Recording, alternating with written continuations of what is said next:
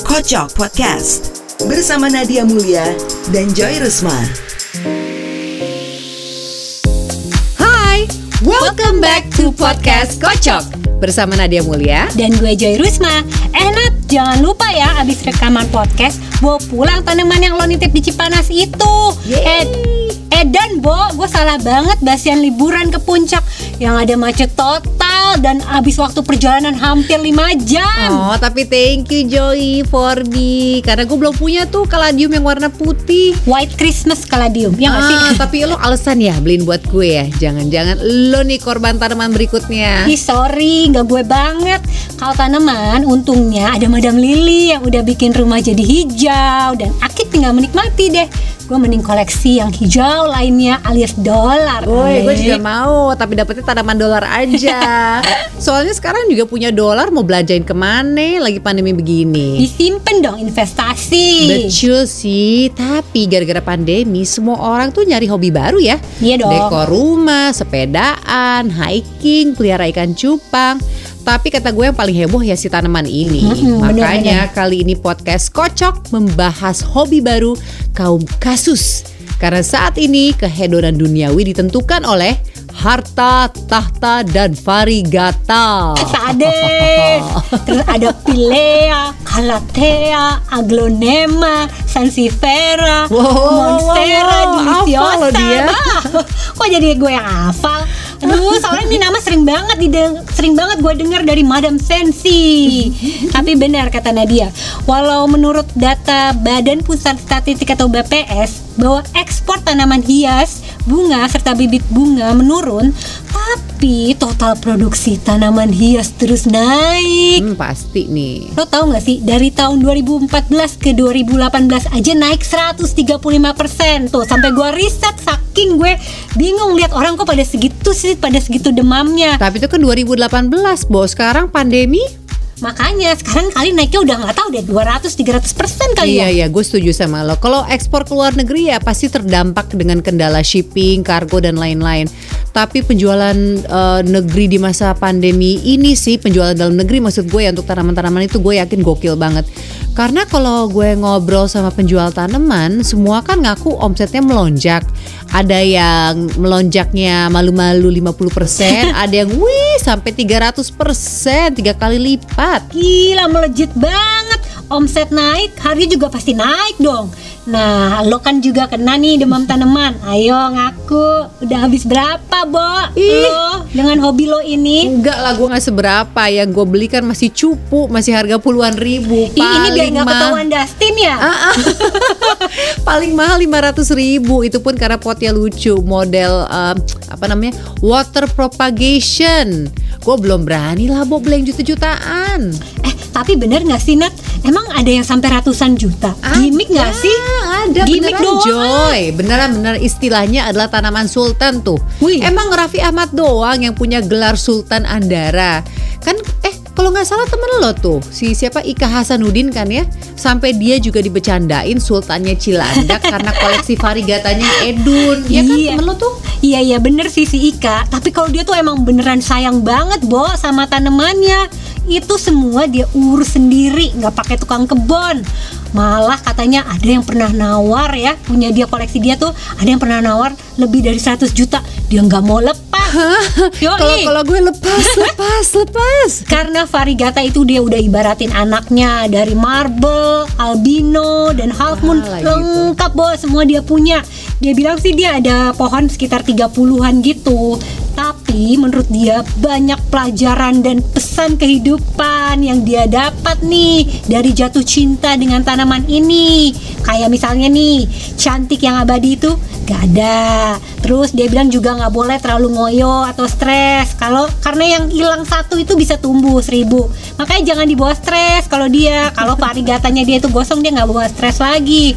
Nah, tapi gue yang gue pernah denger nih paling gokil harganya itu Monstera Mint.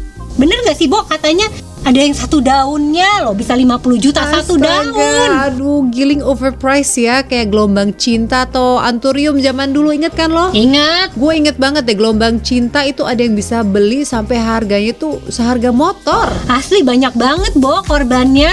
Itu supir sama satpam gue aja ikutan tuh demamnya. Dan mereka kena jutaan Bo. Beli yang kecil itu tadinya mereka beli buat digedein. Terus ya biasa lah Bo, pas semua insan udah pada punya, ya harganya pun ya turun lah ya, turun manis setelah satu tahunan. Ya kasihan kan, satpam sama supir akik jadinya boncos. Eh, tapi yang lo posting di IG itu apaan sih? Kalau nggak salah, kata lo ratusan juta.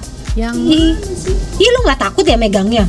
Ih, hati-hati lo, Bo. Oh. Lo kalau kenapa-napa lo mesti ganti, Oh mati iya iya lo. iya iya, itu itu itu tanaman paling mahal yang pernah gue pegang. Kayaknya gue aja belum pernah megang tas seharga tanaman itu deh. Jadi gue lupa jenisnya apa, tapi yang pasti dia monstera. Nah si penjualnya cerita dia buka harga nih untuk tiga daun itu 250 juta dan baru aja laku satu daun dikirim ke Medan. Hah, Sepakat di gila? harga 50 juta. Gokil, gokil banget. Ya tapi gue sempet lihat juga sih di berita kan sampai masuk CNN katanya ada kejadian di daerah Kediri tepatnya nih di desa Doko kenyamat kecamatan Ngasem Mm-mm. Hmm, Nah, katanya ada transaksi barter antara mobil Avanza dengan empat pot tanaman hias. What? Ada, yoi, ada pilo, ada kaladium. Pulangnya gimana, Bo? Kebayang nggak, Bo? Dia naik angkot kali ya ngedekep tanamannya. Kalau metong gimana gila keselnya udah abis nukerin itu mobil Avanzanya. Gila.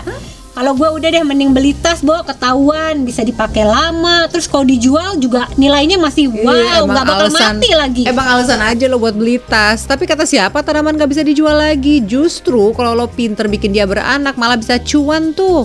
Banyak kan yang tadinya beli seharga 20-30 juta, sekarang ditawar sampai 100 juta. Gokil. Wow itu kan ada yang sampai 300% investasi mana yang bisa kayak gitu Ih bener juga But, ya. of course karena harganya udah gila-gilaan begini Maling pun juga udah pada ngeh Gila terus kalau di maling gimana? Gila gue dari tadi ngomong gila mulu nih saking nyeseknya. kan nyesek boh kalau diembat tanaman kalau yang udah harganya puluhan, apalagi kalau ratusan juta. Nah, gue juga pernah denger sih, kan banyak tuh yang suka ngumbar harga tanamannya di IG live. Eh, terus katanya kerampokan sampai tiga kali. Iya udah banyak Bo Akun at plantyourplant juga pernah posting nih di Instagram story-nya Tentang melanonya yang nempel di pohon itu pun diembat Waduh, Terus gara-gara dia posting itu kan mulai banyak juga yang cerita tuh yang kejadian di curi-curi juga tanamannya. Di Malang ada lagi nih maling yang nyabut paksa Monstera borsiginia. Padahal itu tanaman sudah menjadi penunggu kedai sejak Maret 2019 loh. Duh. Sialan banget ya malingnya. Di antara sekian banyak pot tanaman dia bisa-bisanya loh milih yang paling mahal. tahu banget ya. Iya, terus kan gue DM nih at plant your plant. Terus gue tanya apa sih yang lagi mereka lakuin sekarang nih untuk menghadapi maling tanaman. Nah ini mungkin bisa jadi tips juga buat kepo audience. Hmm, bener yang juga, bener. pasti laporkan ke pihak RT dan juga warning warga sekitar. Kemudian kalau dia nih dia pasang CCTV, dia ninggiin pagernya, dia meletakkan tanaman yang mahal di tempat penyimpanan khusus dan pakai gembok alarm. Tuh repot ya. repot banget eh tapi ya gue sampai sempat lihat tuh di IG ya ada tuh katanya ada fotonya tuh yang gue lihat ada beberapa suami malang yang sampai akhirnya rela tidur beralaskan tikar ditemenin pot-pot kesayangan istrinya biar nggak jadi korban maling Ah, gue curiga ah itu pasti hoax tuh bukan dia bukan dia jaga tanaman dia habis berantem sama bininya kali dia habis bikin salah suruh lucu. bobo di luar. Ternyata lucu. ya ternyata suami lebih takut disemprot istri ya daripada berhadapan sama maling kayaknya. Ih, gila gue makin males nih dengerin Gila lagi gila lagi. Makin males kan Bo Jadinya punya tanaman Jadi sasaran rampok Ngerepotin lagi Seperti di overheard tanaman Kan ada yang bilang Hmm gampangan melihara anak Dikasih nasi Dikasih Youtube Udah hidup deh tuh anak gue Wow, great parenting advice ya. Tapi emang gue akuin merepotkan itu yang namanya tanaman ya. Lo mesti siramin, lo mesti jemur, lo mesti kasih pupuk, lo mesti ganti medianya. Aduh, udah gitu kan Rempes. tiap- Rempes rempes tiap tanaman itu kan juga beda-beda. Dia butuh perawatan yang beda. Ada yang boleh kena matahari langsung, ada yang indirect. Dan ada juga yang bilang tanaman tuh kalau diajak ngobrol tuh semakin subur. Eh, nyokap gue juga gitu sih. iya ya, nyokap temen-temen gue juga pada lucu-lucu deh pada ngajak ngobrol tanamannya. Jadi nih kalau udah pagi nih mereka udah berkicau aja tuh nyapa satu-satu. Selamat pagi cantik, mandi pagi dulu yuk biar segar. Halo manis, kok kamu kering sih? Jangan gitu dong, ayo dong yang semangat. Gila ya macam orang halu. Gue gantian ngomong gila. Eh tapi emang katanya kalau lo udah jatuh cinta itu semua kerempongan gak terasa. Ada loh suami dan anaknya sampai protes karena si mami ini lebih fokus ke daun-daunnya sekarang dibanding sama mereka. Ih, gue nggak mungkin banget sih gitu. Cukup jadi parent satu anak lo aja tadi lihat kan? Udah gue berapa kali ditelepon sama anak gue, oging deh ditambah tugas jadi plan parent. Ampun ya, sampai ada istilah untuk mereka yang menganggap tanaman itu seperti anak mereka. Ah, lagian kata gue, ini tren sih kayaknya saat pandemi aja deh. Nanti juga kelar pandemi orang pada back in track lagi nongkrong di mall, kafe, liburan nih mana ada waktu kali ngurus beginian. Nah kalau gue sih yang tetap bertahan yaitu hobi chill and binge di mola. Uh banget. Kepo audience pasti tahu nih gue sama Joy lagi keranjingan nonton Mola. Di sana kan ada Mola Living, Mola Movies, Mola Kids, and of course Mola Sports. Kalau di Mola Living banyak banget home show dan renovation yang nyegerin mata. Mulai dari rumah di pinggir pantai, di atas gunung, bahkan sampai downsizing. Betul, gue tuh lagi demen banget binging nonton Extreme Homes yang What for Sale, Brit- Britain Secret Home sampai You Live in What tentang tempat-tempat aneh yang dijadiin rumah. Iya ya, gue nonton tuh yang episode Lumbung Kentang, Gedung Penyulingan Minyak, sama Museum Teater. Heeh, Bo, lo bayangin deh, lo tinggal di dalam teater lengkap dengan panggung dan kursi opera stylenya gila. Salut banget gue sama mereka nih yang bisa menyulap gedung tua jadi rumah modern dan eklektik. Tapi dia tetap bisa jaga loh, dia bisa preserve karakter asli dan juga nilai sejarahnya. Setuju, setuju. Nah, gue juga amazed dengan mereka yang bisa hidup di space mungil, tapi semuanya fungsional. Tiny house, big living, tiny luxury, epic, tiny paradise. Kok bisa ya, Bo? Semua muat hanya dalam ukuran berapa puluh meter persegi. Gua aja nggak bisa tuh kalau misalnya untuk packing terus cuman satu bag doang. Lo rumah rumahnya mereka buat kontainer tas sama sepatu lo si Joy kayaknya makanya lo mesti declutter dong. Atau lo renovasi banyak banget tuh idenya tuh ada 60 minute makeover, ada deadline design, vintage design, extreme makeover home edition, unbox with Nikki Chu. Wah, banyak banget dan amazing banget ngeliat before and afternya. Ngasih banyak banget inspirasi. Jadi eh, terinspirasi lagi deh. Rumah gue enaknya diapain lagi ya? Woi, baru juga kelar renov rumah, terus kerjanya bolak-balik mulu tuh ke toko furniture. Iya sih, soalnya makin sering binge on Mola, semakin banyak dapat inspirasi dekor rumah, semakin betah di rumah ya kan? Ya kalau gitu, pokoknya wajib nonton Mola. Nah, kita mau bagi free one month subscription untuk Mola TV. Caranya tinggal jawab pertanyaan berikut. Dari sekian banyak program tentang home show dan renovation di Mola Living, sebutkan satu aja nama programnya. Tadi kan banyak tuh disebut. Barusan kita udah sebut banyak banget tinggal replay podcast ini atau intip Instagram at molatv.living. Nah pas lagi ngintip sekalian di follow karena itu syarat untuk bisa memenangkan free one month subscription untuk Mola TV. Nah, kau udah tahu jawabannya, langsung tulislah di IG gue @joyrusma atau @nadia mulia. Mau di komen, mau di DM, mau di IG story, pokoknya kita pantau terus dan kita akan kumumin minggu depan. Yes. Nah, kita balik lagi dong ke tanaman dan harganya yang lagi gila-gilaan nih sadisnya. Kalau jadi sinetron kira-kira judulnya Azab Penjual Tanaman kali ya. Asli harganya udah nggak masuk akal. Gue sempet tanya nih sama Lita Lita Nugraha Heni yang kerja di Future 10, Good Step dan Bright Spot nih. Mhm, dia udah ini dari dulu ya dia katanya dari, ya, hobi dan dia juga dari dulu tuh udah hobi banget tanaman, tapi dia baru berani koleksi dari tahun 2017. Mhm. Lita cerita nih dulu dia beli tanaman 150 ribu aja tuh udah dikomenin sama temen-temennya. Tapi sekarang katanya temen-temen yang awalnya komen begitu udah nggak mikir lagi kalau beli yang di atas 500 ribuan or even jutaan. Pada ketula ya mereka ya berarti ya namanya. Abis. Lita cerita dulu dia pernah ditawarin Monstera marmorata satu pohon yang lumayan rimbun itu 250 ribu. Sekarang rata-rata satu daun harganya 5 juta. Puas gak lo? Edan, tajir melintir dong sekarang Lita. Tapi ya gimana nggak mau melambung harganya Kan artis dan influencer sekarang pada demen semua Bo Dari Nadine Chandrawinata, Novita Enji, Ersa Mayori tuh Mereka sampai borong gue lihat pas mereka kemarin tra- traveling rame-rame ke Bandung Terus juga ada Kenes Andari, Titi Kamal Eh lu bukannya beli dari temen teman insert lo si Jesslyn Lim Iya ya, Jess punya namanya At the Jungle Greenhouse. Jess bahkan terima order ke luar negeri sudah termasuk sertifikat fitosaniterinya. Jadi lengkap, Bo. Tanaman juga punya sertifikat. Uh. Nah, kalau influencer yang gue tahu juga koleksi tuh ada Andra Alodita, terus juga Andi Yanata.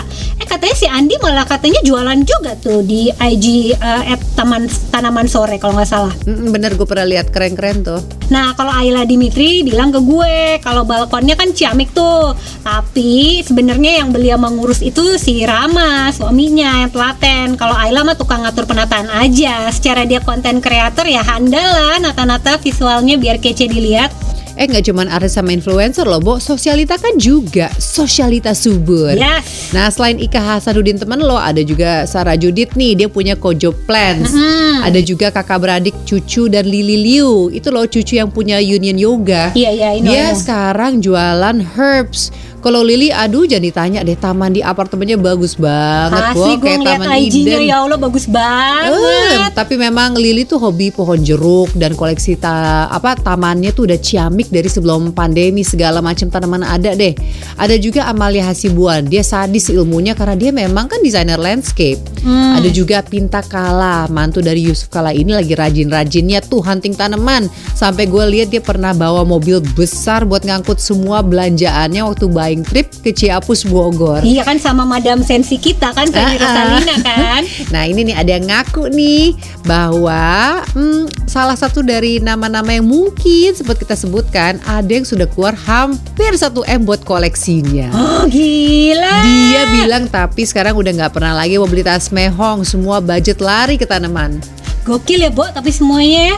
Tapi temen gue juga bilang dia ada juga udah hampir keluar 250 juta buat tanaman. Ya udah sih emang mungkin rezekinya banyak. Jadi ya sasa aja lah ya dia menghibur diri lagi pandemi. Nah, walaupun dia bilang kalau dia ditanya suaminya langsung diturun-turunin tuh harganya. Heeh. Masa dia beli satu tanamannya itu kan ada yang dia beli 10 juta. Ini dia ngaku ke suaminya harganya cuma 200 ribu. Wow, itu duitnya kalau di bisnisnya lumayan juga ya, Bo. Kalau influencer itu kan biasanya ada influencer foodie, travel, fashion, beauty. Sekarang kayaknya plant influencer ya lagi naik daun. Iya ya bener juga loh ya. Nih, ini gue lihat di Instagram nih ada Swastika Nohara, ada Fahri Orchid, Asoka Remajas, Oh. Nyonya Destira, Tami Andrenari, Dharma Jungle, The Great Wheat Wizards, Botanis. Ih gila, banyak banget ya. Wih jadi Dan- banyak nih pengetahuan gue nih nih nih tentang ini, IG, ini udah IG, gue udah gue say semuanya influencer. dan emang adem Bo lo kalau ngelihat uh, feednya mereka aneka nuansa hijau dan fotografinya tuh bagus banget. Saking bagus ya sampai ada istilah plant pornografi. Masa ada plan pornografi? Ya ampun. Nah kalau si Ika temen gue dia bilang kalau dia suhunya itu at hejo-ijo si Mbak Uni karena menurut dia Mbak Uni ini kolektor yang nggak pelit informasi dan ilmu dia suka kasih masukan tentang pupuk penempatan dan tips-tips lain seperti pilihan produk buat menunjang hobi ini kan lu tahu aja Nat yang hits kan sekarang nggak cuma tanamannya perintilannya juga wow juga Oh naik iya, daun iya, banget benar, benar. kan ada dari pot, dari rak, water sprout, copper, potting mat. Eh wait kalau uh, water spout gue punya tuh yang copper tuh terus kalau potting mat itu apa gue belum punya tuh itu uh, oh itu alas buat repotting ya Nadia Mulia, kamu kan sudah pakar. Ayo teruskan jejak Madam Sensi Feni Rosalina kuat, biar nggak makin kuat. mantap pengetahuan lu. Sobat potekan kan kalian? Wow, sobat potekan beda banget ya boh makna sobat potekan zaman now dengan sobat potekan zaman eh zaman dugem. Hampir kesebut nama tempatnya. Anyway, yang gue inget ceritanya ada plan parent. Dia itu beli potting mat dari luar negeri. Dia kasih lihat nih ke temennya yang dia anggap suhu tanaman juga. Nah, si suhu ini berhasil. Kemudian jualan.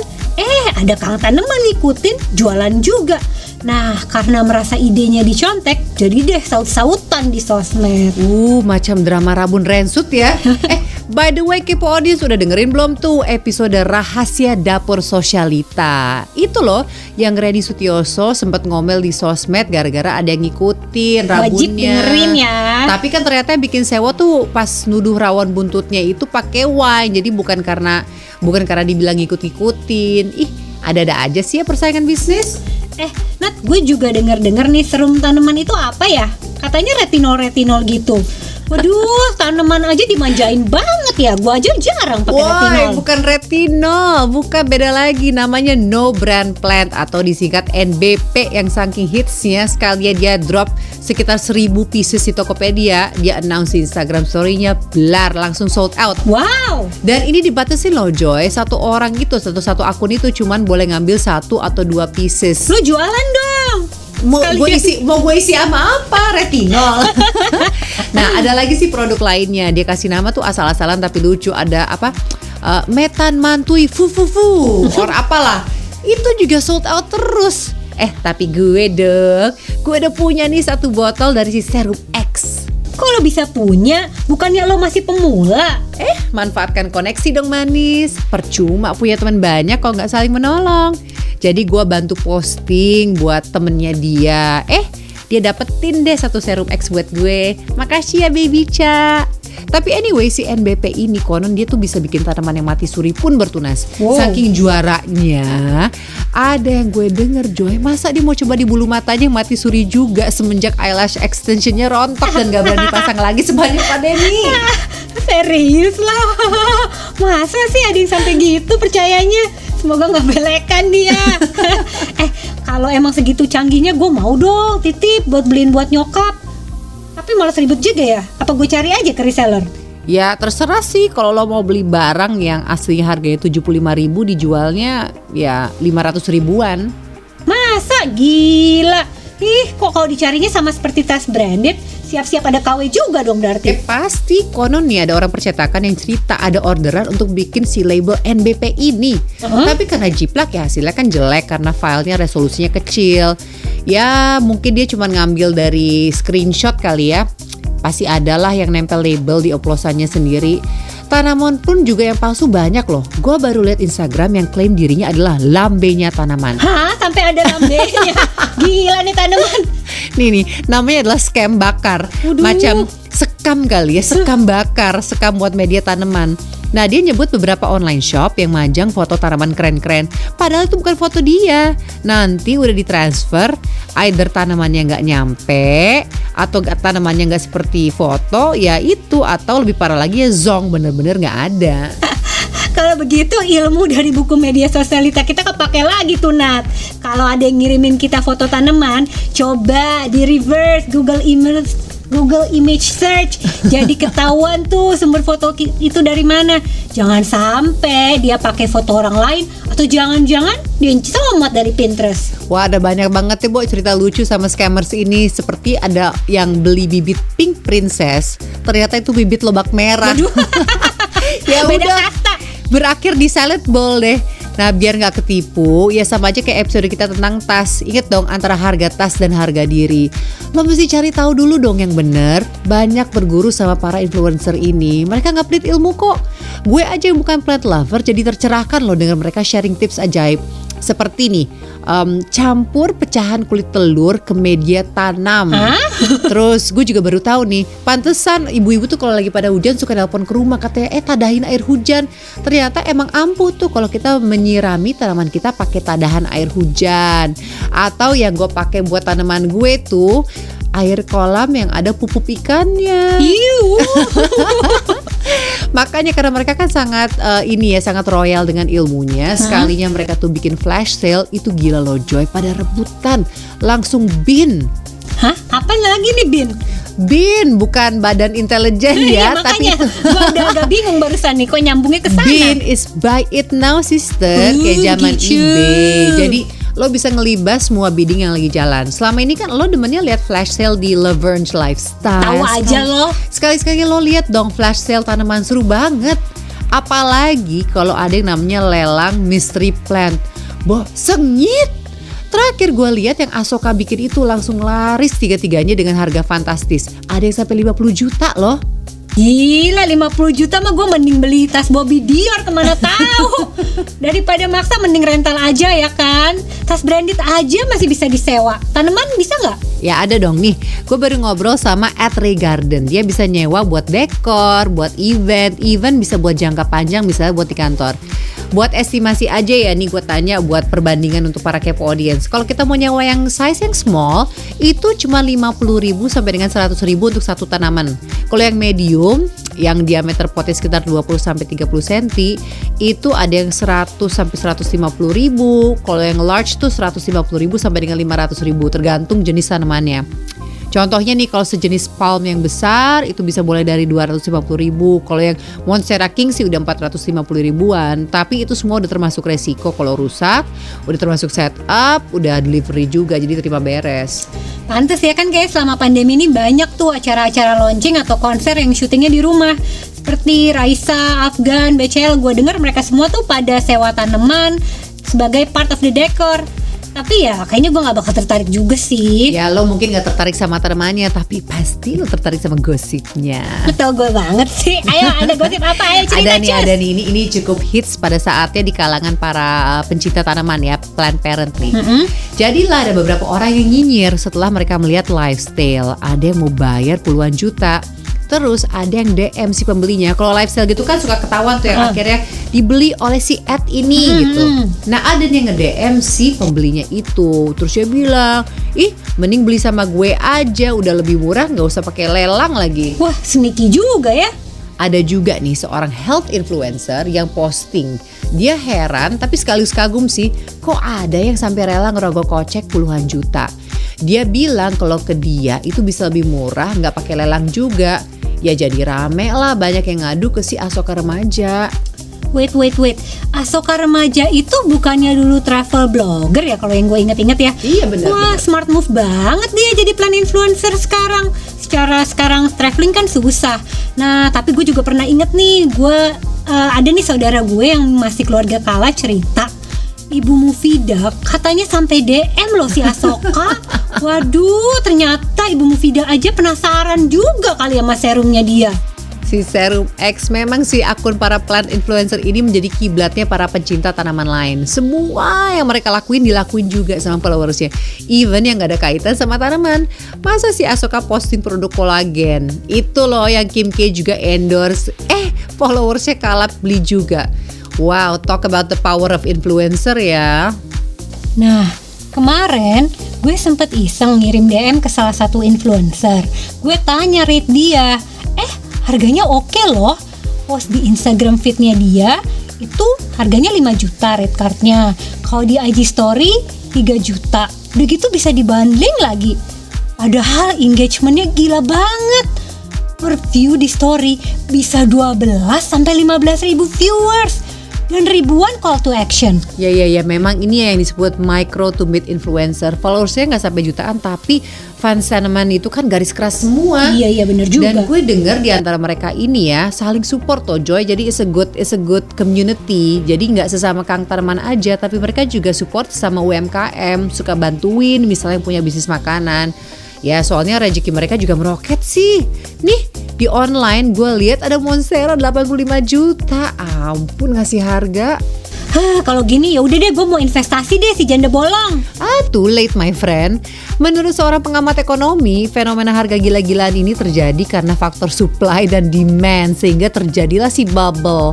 Udah gitu terbawa arus deh yang di blow up di media sosial sehingga mengglorifikasi si tanaman-tanaman itu.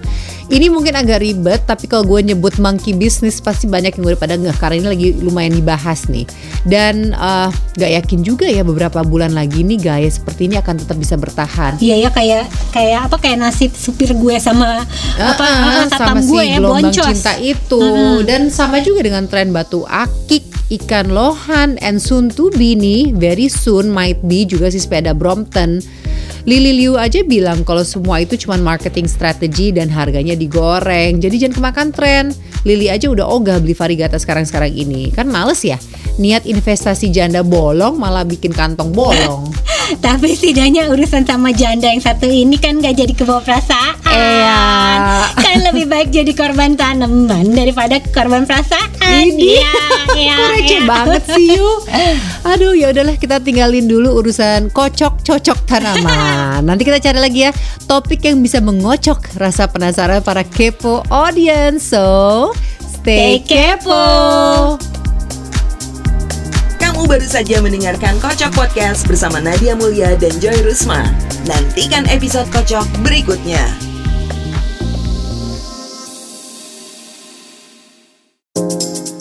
Kocok Podcast bersama Nadia Mulia dan Joy Rusma. Hai Welcome, Welcome back to Podcast Kocok Bersama Nadia Mulia. Dan gue Joy Rusma. Kepo Audience alias Kepau Kalau biasanya kita selalu ngebahas topik dunia cewek-cewek Seperti arisan, tas, macan ternak. Nah kali ini ekstra spesial Kak Karena kita akan ngebahas tentang dunianya lawan jenis. Dan yang kita bahas kali ini adalah mereka kaum bad boys atau fuckboy Yuh, kok gak enak ya ngomongnya Pak Asli asli. Gue ngomong itu kayak agak-agak geli gitu Tapi ya Inilah sih istilah yang suka disebut sama anak-anak zaman sekarang. Kalau Iya sih. biasanya kan dulu disebut mata keranjang atau buaya darat. Anjrit istilah kita tua banget ya. Jahiliyah. Atau, eh, eh, tapi atau kata kiasan yang paling halus yaitu pria berhidung belang. Ada tuh di KBBI, artinya lelaki yang gemar mempermainkan perempuan. Tapi Joy, history time. Aduh, penting ya untuk kita ngebahas ini. Nih, lo Oke, tahu nggak oke. sih? Lo tahu nggak sih kenapa ada istilah pria berhidung belang? Enggak sih, kenapa Oke. tuh? Simak baik-baik. Ternyata ada ceritanya nih. Di Indonesia pada abad ke-17, waktu itu di bawah penjajahan Belanda, ada seorang gubernur jenderal. Namanya adalah Jan Pieter Zoon Koen atau suka dipanggil si Tuan Jangkung. Nah, si Tuan Jangkung ini dititipin anak dari gubernur jenderal Hindia Belanda yang akan menggantikannya. Yang nggak bisa bawa pulang anaknya itu ke Belanda karena anak ini adalah hasil dari hubungan dengan selir asal Jepang. Bo, kebayang gak sih lo cantiknya ini anak campuran Belanda Jepang? Nah namanya adalah Sarce Baru 12 tahun aja nih usianya Tapi sange juga si Sarce ini. Ih kayak akrab aja loh nyebut-nyebut si Sarce. Abis gue ada teman beneran panggilannya Sarce Tapi nggak sange yang ini. Bye-bye dia. Anyway si Sarce ini naksir sama perwira pengawal bernama Peter Kortenhof yang umurnya 17 tahun dan dia tuh suka warawiri di castle. Suatu waktu ke gap deh lagi indohoy dengan si Sarce. Duh, Murka lah daddy angkatnya. Tanpa tedeng aling-aling si Peter digantung. ah, serem banget. Jangan main-main ya. Hey, para muda-mudi jangan suka komplain kalau hubungannya digantung. Zaman dulu mainannya digantung beneran. Serem. Eh tapi ada juga sumber lain yang bilang kalau si Peter ini dipenggal. Ih serem banget, ngeri banget bohong hukumannya kalau ketahuan. Namanya- Iya kan? Tapi sebelum dieksekusi, Gubernur Jenderal Kun ini mencorengkan arang di hidung Kun untuk mempermalukan pria yang meniduri putri angkatnya. Jadi kalau versi yang dipenggal ini nih, usai udah dieksekusi sama Algojo kan kepalanya gelinding tuh dan disaksikan oleh orang-orang. Nah yang mereka notice banget adalah hidungnya yang terlihat belang-belang. Nah ini juga niatnya sebagai pengingat untuk tidak berzina. Dan semenjak itu setiap ada pria yang kedapatan berzina akan segera ditangkap dan hidungnya ditandai dengan coretan arang. Duh, gue udah mulai ngantuk nih dengerin pelajaran sejarah, Bo. eh, tapi kalau sampai sekarang kan sebenarnya masih dilakukan kan kebanyakan nih laki-laki yang keluar dari karaoke, panti pijat atau even klub-klub di daerah Senopati bisa cemong semua tuh hidungnya. Eh tapi itu kan dulu kalau main cemong-cemongan hidung saat perempuan jadi objeknya lelaki. Ya sekarang masih ada sih, tapi sekarang makin banyak loh, Bo. Gue perhatiin anak-anak cewek yang mendewakan hedonisme dan dunia gemerlap dan justru mereka nih memanfaatkan seks appeal mereka untuk kedapetin yang mereka mau. Salah satunya nih adalah Faye Ruby Jane, CEO of Fuck Girl Indonesia. Oh my God, E CEO. Gue tuh, gue tuh suka deg-degan loh ngomong kayak gitu anak-anak gue kan ja- aja nggak boleh ngomong kata itu ini gue ngomong di podcast aduh Tapi anyway, times have changed ya, Bo. Kalau dulu tuh bandel kan ditutup-tutupin. Cewek kan paling gak mau dong dicap sebagai piala bergilir. Tapi justru ada beberapa cewek yang bangga dengan gaya hidup keluar malam, party all night, mabok, ngebungkus atau dibungkus cowok, one night stand bangun siang. Nah, itu istilahnya adalah fuck girl. Ya, bagi para senials yang baru dengar, fuck girl itu adalah cewek cantik yang bungkus atau nyiket cowok, no baper-baper. Tujuan dia cuma ditraktir minum mahal dan enak-enak. Enak-enak ya. Kalau dulu bahasanya Ewita Eni Benge ya atau Ewi-ewi persahabatan. ya, sekarang enak-enak itu kalau kata selebgram Anya Geraldine, fuck girl itu adalah cewek yang hobi bikin cowok baper, terus ngilang deh. Nah, back to CEO fuck girl si Faye Ruby Jane itu Bo, dia dengan santainya bilang loh di podcast aduh aduh. dia aduh. 24 jam sange Aduh. terus dia pingin jadi bintang porno dan dengan bangga loh dia ngeklaim bahwa hidup dia ini perfect kenapa karena dia dibayar buat never ending mabok eh, sange Wah, fuck girl begini padanannya memang fuck boy sih harusnya ya. klop banget. Nah, menurut informan gue yang self proclaim fuck boy, dia bilang kalau cewek zaman sekarang dan zaman angkatan kita dulu beda banget. Ya pasti lah usianya udah beda. Kalau cewek zaman sekarang ini udah lebih open. Hmm. Kata dia, cewek zaman sekarang kalau udah dibeliin minum, artinya nih cewek udah ngeh. Dia nih udah setengah jalan nih, udah mau dibungkus nih artinya. Ini yang cerita informan lo ini adalah self proclaimed fuckboy. Aduh, Bo hati-hati deh sama modelan kayak gini. Cowok-cowok begini kan never ending tebar pesona. Semakin reputasi mereka sebagai cowok brengsek, gak tahu kenapa justru stok cewek itu berlimpah. Eh, tapi lo dulu pernah nggak ketipu sama bad boy? Ya pernah lah Bad boys itu meski kayak tokai Tapi pengalamannya kan segudang Jadi mereka itu paham banget cara ngetrit dan ngehandle cewek Ya banyak yang masuk perangkap dan kelapak-lepek sama mereka Apa sih rahasia mereka? Kan Jakarta tuh sempit. Cewek-cewek kalau udah pasti eh, denger mengenai reputasi mereka atau kalau mereka ngecek background, kan Cek harusnya males ya, ya. Bo. Tapi yang gue heran mereka tetap kemakan aja. Atau jangan-jangan mereka emang sengaja nih karena mereka pengen ngerasain ditaklukin sama si petualang cinta ini. Ya of course Karena bad boys itu paham banget nget-nget Yang dibutuhin wanita. Lagi pula kan gak semua cewek juga looking for commitment. Ada yang cuma mau having fun Karena udah pacaran lama Atau even kawin lama dan jadinya garing. Mungkin pacar atau suaminya udah cuek. Atau mungkin dia sengaja hook up sama si hidung belang ini Ya mungkin buat ngebales pacar atau suaminya yang selingkuh duluan Nah, gue sengaja buat episode ini wawancara beberapa narasumber bad boys anonim tentunya. Wih, juicy nih. Dan uh, kepo audience gue sempet nguping loh pas Joy lagi wawancara dan gue tuh sampai terkaget-kaget waktu orang ini nih informan ini sebut beberapa nama korbannya. Banyak ternyata yang kita kenal dan banyak juga yang udah menikah. Ups. Yoi, ternyata nggak hanya yang masih kecil dan mau dibohongin. Mau cewek umur 20, 30, dan 40, kata dia, sebenarnya kuncinya sama. Semua itu butuh perhatian, didengerin, dipuji-puji dikit, tapi nggak lebay, nggak gombal juga. Nah, bad boy ini udah handal banget takarannya. Nah, setelah dipuja-puji, kata bad boy ini juga masih perlu nih cewek dijatuhin supaya cewek ini ngerasa insecure dan penasaran. Begitulah sabda the player. Ih, gue pernah banget tuh dulu dispikin sama bad boy. Asli sih saat itu bikin penasaran, bikin gergetan. Kadang mulutnya manis, tapi abis itu kayak ngajak debat. Kayak apa? Reverse psychology gitu loh, Bo. Tapi penasaran kan? Nah yang juga bikin gue heran adalah bekasnya nih orang nih rata-rata model dan artis dan mereka tuh pada klepek-klepek sama dia. Tapi ya memang waktu itu ini orang semberi banget loh di dunia pertelevisian. Sekarang pun dia sudah meroket loh jadi pejabat. Kayaknya gue tahu sih yang lo maksud. Tapi dia kan sekarang sudah settle down. Bad boy ya mungkin cuman fasenya aja. Ya udahlah. Sang istri hanya bisa berharap kalau lakinya udah puas bandel di zamannya. Karena yang repot itu kan yang telat gaul atau mungkin pas masa mudanya masih perjuangan begitu udah jadi punya dana deras cash keras fasilitas eh banyak yang ngerubungin. Tapi itulah godaan pria-pria yang mapan. Banyak gula banyak semut banyak harta banyak ani-ani. Makanya cobaan buat pria itu ada empat.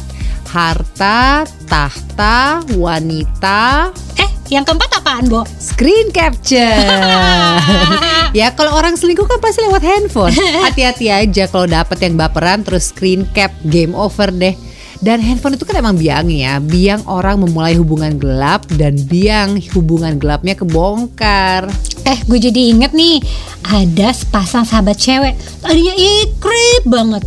Terus salah satu mereka, ya sebut aja ya nama Mawar ya, pacaran nih sama seorang pengusaha. Kayak berita di tabloid aja deh lo sebut saja namanya mawar. Pakai istilah yang hits dong zaman sekarang. Apa ke Monstera Deliciosa ke Varigata Woi, ke repot amat sih lo. Ya udah baik-baik. Sekarang nih si Monstera Deliciosa, aduh ribet deh jadinya. Monstera Deliciosa ini pacaran dengan si pengusaha dan diajak traveling deh ke sana ke sini. Nah sahabat ceweknya tentu ikut dong. Oke. Nah, sampai suatu waktu mereka minta lagi traveling.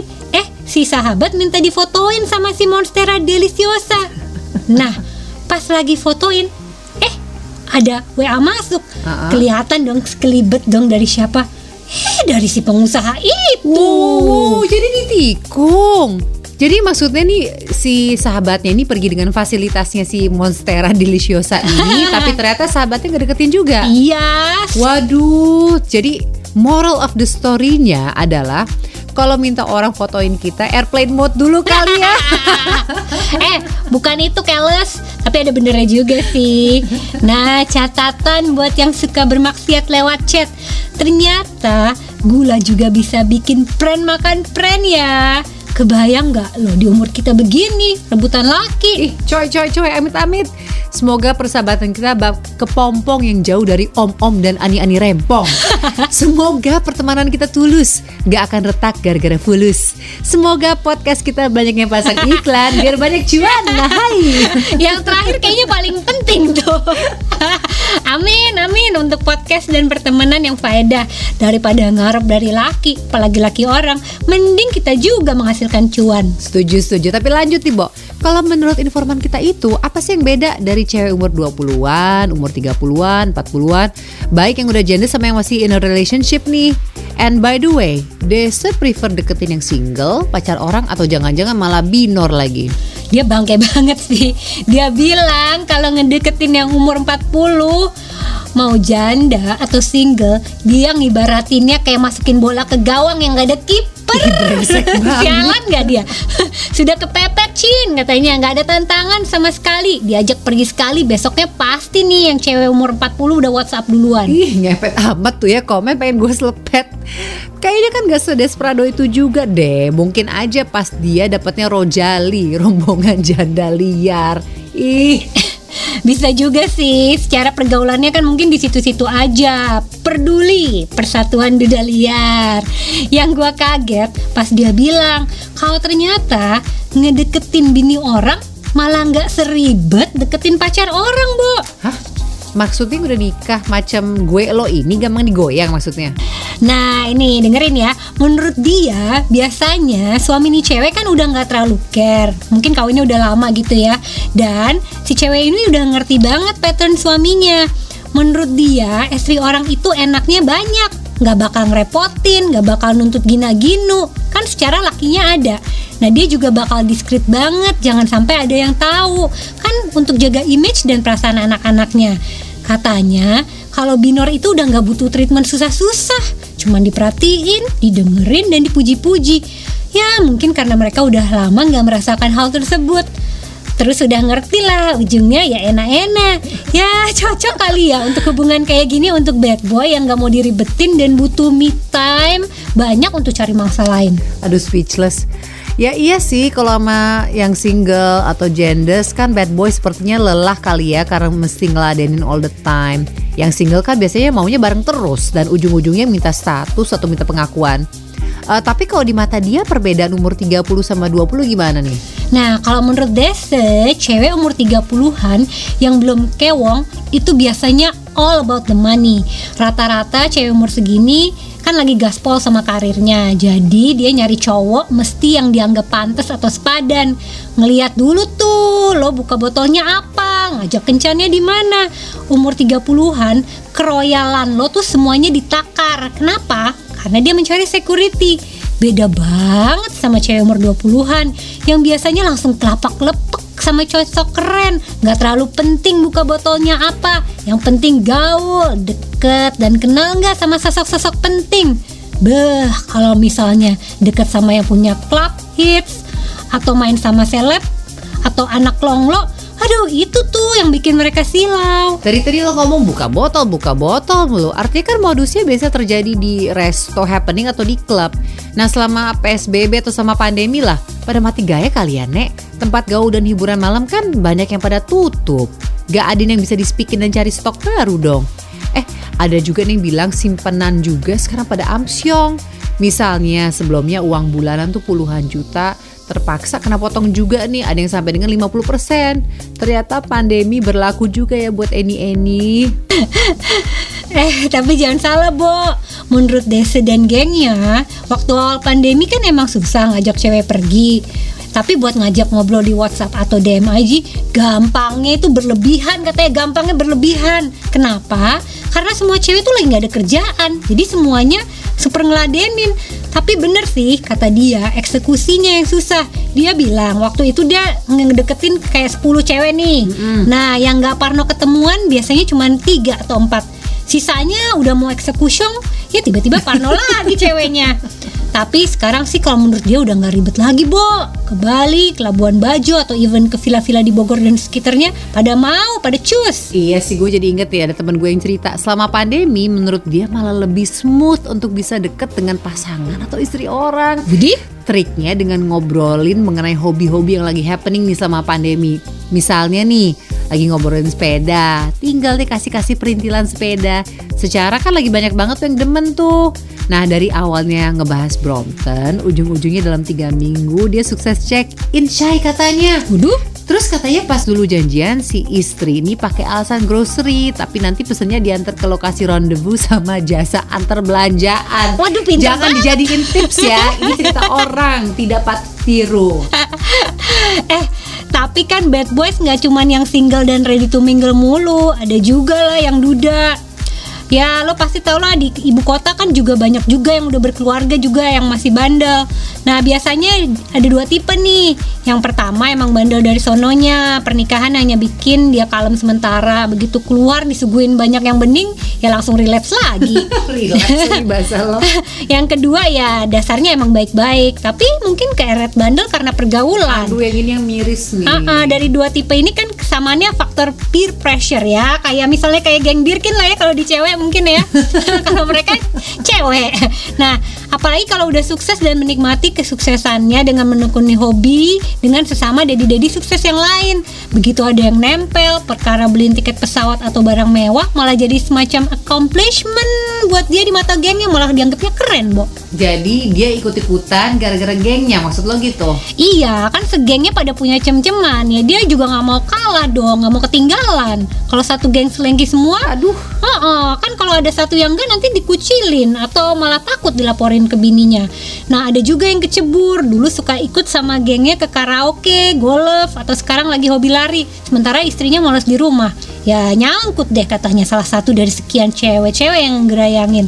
Jangan pikir grupis itu hanya untuk anak-anak band. Apalagi kalau yang kebetulan yang nyangkut adalah cewek yang di look up di lingkungan pergaulannya. Buat dia itu semacam plus point dan dia pun masih di- makin dianggap hits di pergaulan.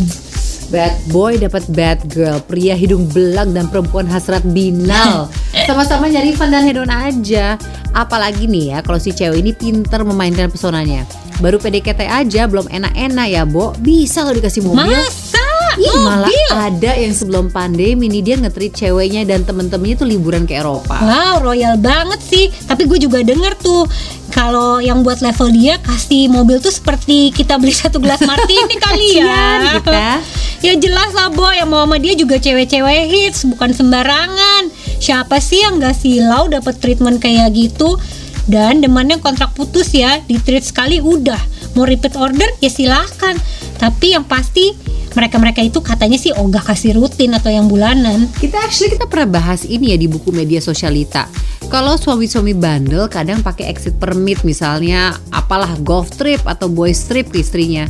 Secara satu geng ini udah kompak kan saling nutupin ya pagi dan siang beneran sih mereka emang golf. Ya malamnya deh pada party deh dan ada yang nemenin di villa. Ya mereka udah pinter lah, nggak akan dah juga bakal apa datang bareng satu pesawat sama cewek-cewek ini. Of course nggak ada barbuk lah, nggak ada foto yang bakal tayang. Jadi semuanya pokoknya ini clear banget deh. Nah, yang repot itu biasanya kalau si istri itu ngajak video call atau minta send live location ya nggak sih? Nah, nah ini nih tips nih buat istri yang curi gesyong sama suaminya. Minta live location ya, jangan cuma send location aja. Send location bisa direkayasa, harus yang live. Nah, balik lagi ke cerita lo Joy, semakin diskret kalau gitu ya yang disimpan jadi bukan cewek sembarangan dong. Ini kayaknya cerita lo tuh yang level yang kelas atas banget ya.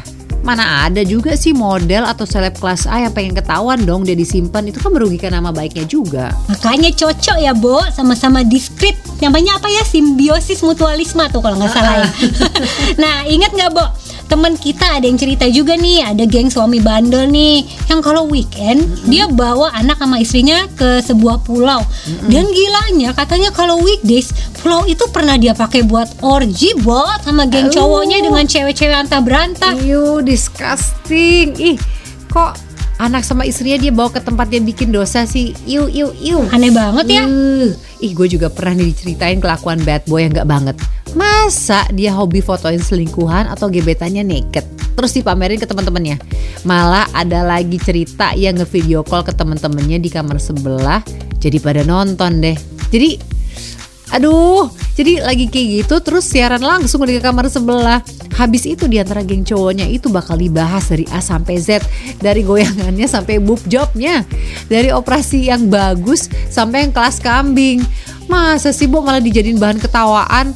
Ada yang bilang nih kita sempat bahas juga nih ya di cantik dari sananya atau cantik dari dananya. Yoi, benar benar benar.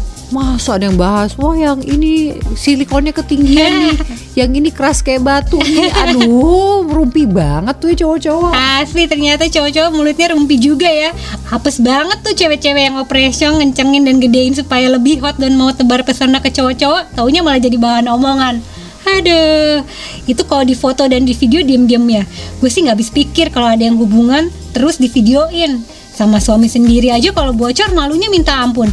Gimana kalau udah bersuami terus lengki? Atau bikin videonya sama laki orang? Hmm, udah beberapa kali kan kejadian ya Kayaknya ya sama eh, artis Ya sama yang mirip artis katanya. Baiklah, sama yang mirip. Tapi itu kan jadinya berita headline di mana-mana. Hampir satu Indonesia minta linknya. Malu tahu jadi bacol kenek, kuli bangunan dan orang-orang nggak jelas. Udah gitu kan diomongin Aduh. dari A sampai Z tentang bentuk boobsnya, goyongannya, jembrewinya. Aduh, lu tahu kan netizen itu sadis-sadis. Aduh, milu ah gue ah kasihan ah. Soalnya kalau yang bikin salah itu artis kan netizen lebih sadis lagi menghati, menghakimi, ngerembet ke mana-mana. Keluarganya lah ikut kena. Udah deh Joy, mendingan kita ngomongin yang banyak orang gak tahu deh. Kita ngomongin mengenai kalangan social elite tuh. Pasti lo tahu banyak cerita-ceritanya. Ada sih. Nah, ini selentingannya udah lumayan banyak sih kedengeran. Lo udah denger nggak ada pengusaha sukses punya cewek lagi? What? Dia again? Gila Bu, padahal kan istrinya cantik banget. Atau no wonder ya, makin kurus istrinya ya jangan-jangan mikirin terus tuh. Katanya sih istrinya udah tutup mata. Emang kayaknya kalau laki-laki lagi tajir mampus dia belagu ya karena nyadar banget posisinya di mana. Konon dulu pas ketahuan dan istrinya ngambek, eh suami bilang, gua sih bisa dengan gampang ceraiin lo. Lo siap nggak lu pergaulan jet set lo, liburan mewah lo, uang saku lo? Dengan umur lo segini, emang ada laki-laki lain yang mau ngasih gaya hidup kayak gue? Hih, aduh, ampun deh. Dengernya aja sampai gue yang ketusuk nih rasanya. Jahat banget nih.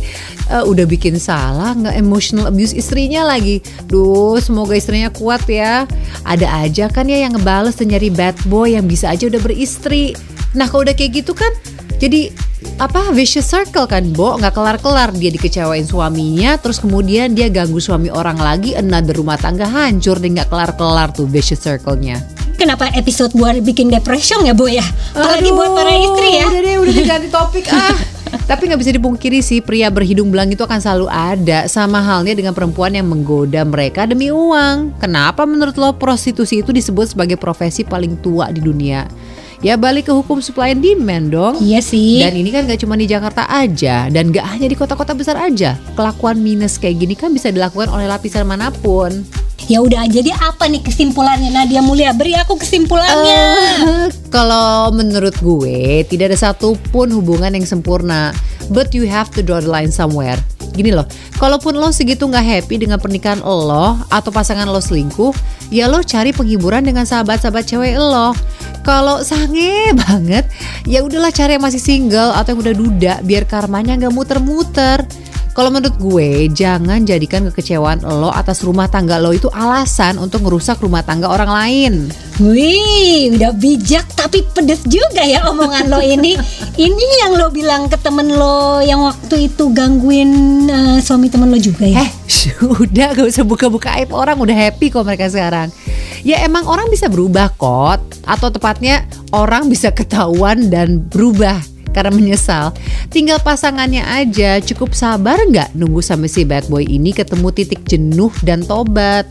Bener juga ya Well semoga Keval tidak jenuh-jenuh ya Dengerin podcast kocok Karena kita nggak akan tobat Menyampaikan cerita-cerita juicy seputar pergaulan Tentunya dengan niat agar ini menjadi pembelajaran Dan kita nggak sampai terseret ke dalamnya Yes, Jumat depan kita hadir lagi dengan cerita yang gak kalah juicy. Semoga kita semua bisa setia dengan diri sendiri dan dengan pasangan masing-masing. Dan setia dengan podcast kocok tentunya. Stay, kepo! Kamu baru saja mendengarkan Kocok Podcast bersama Nadia Mulia dan Joy Rusma. Nantikan episode Kocok berikutnya.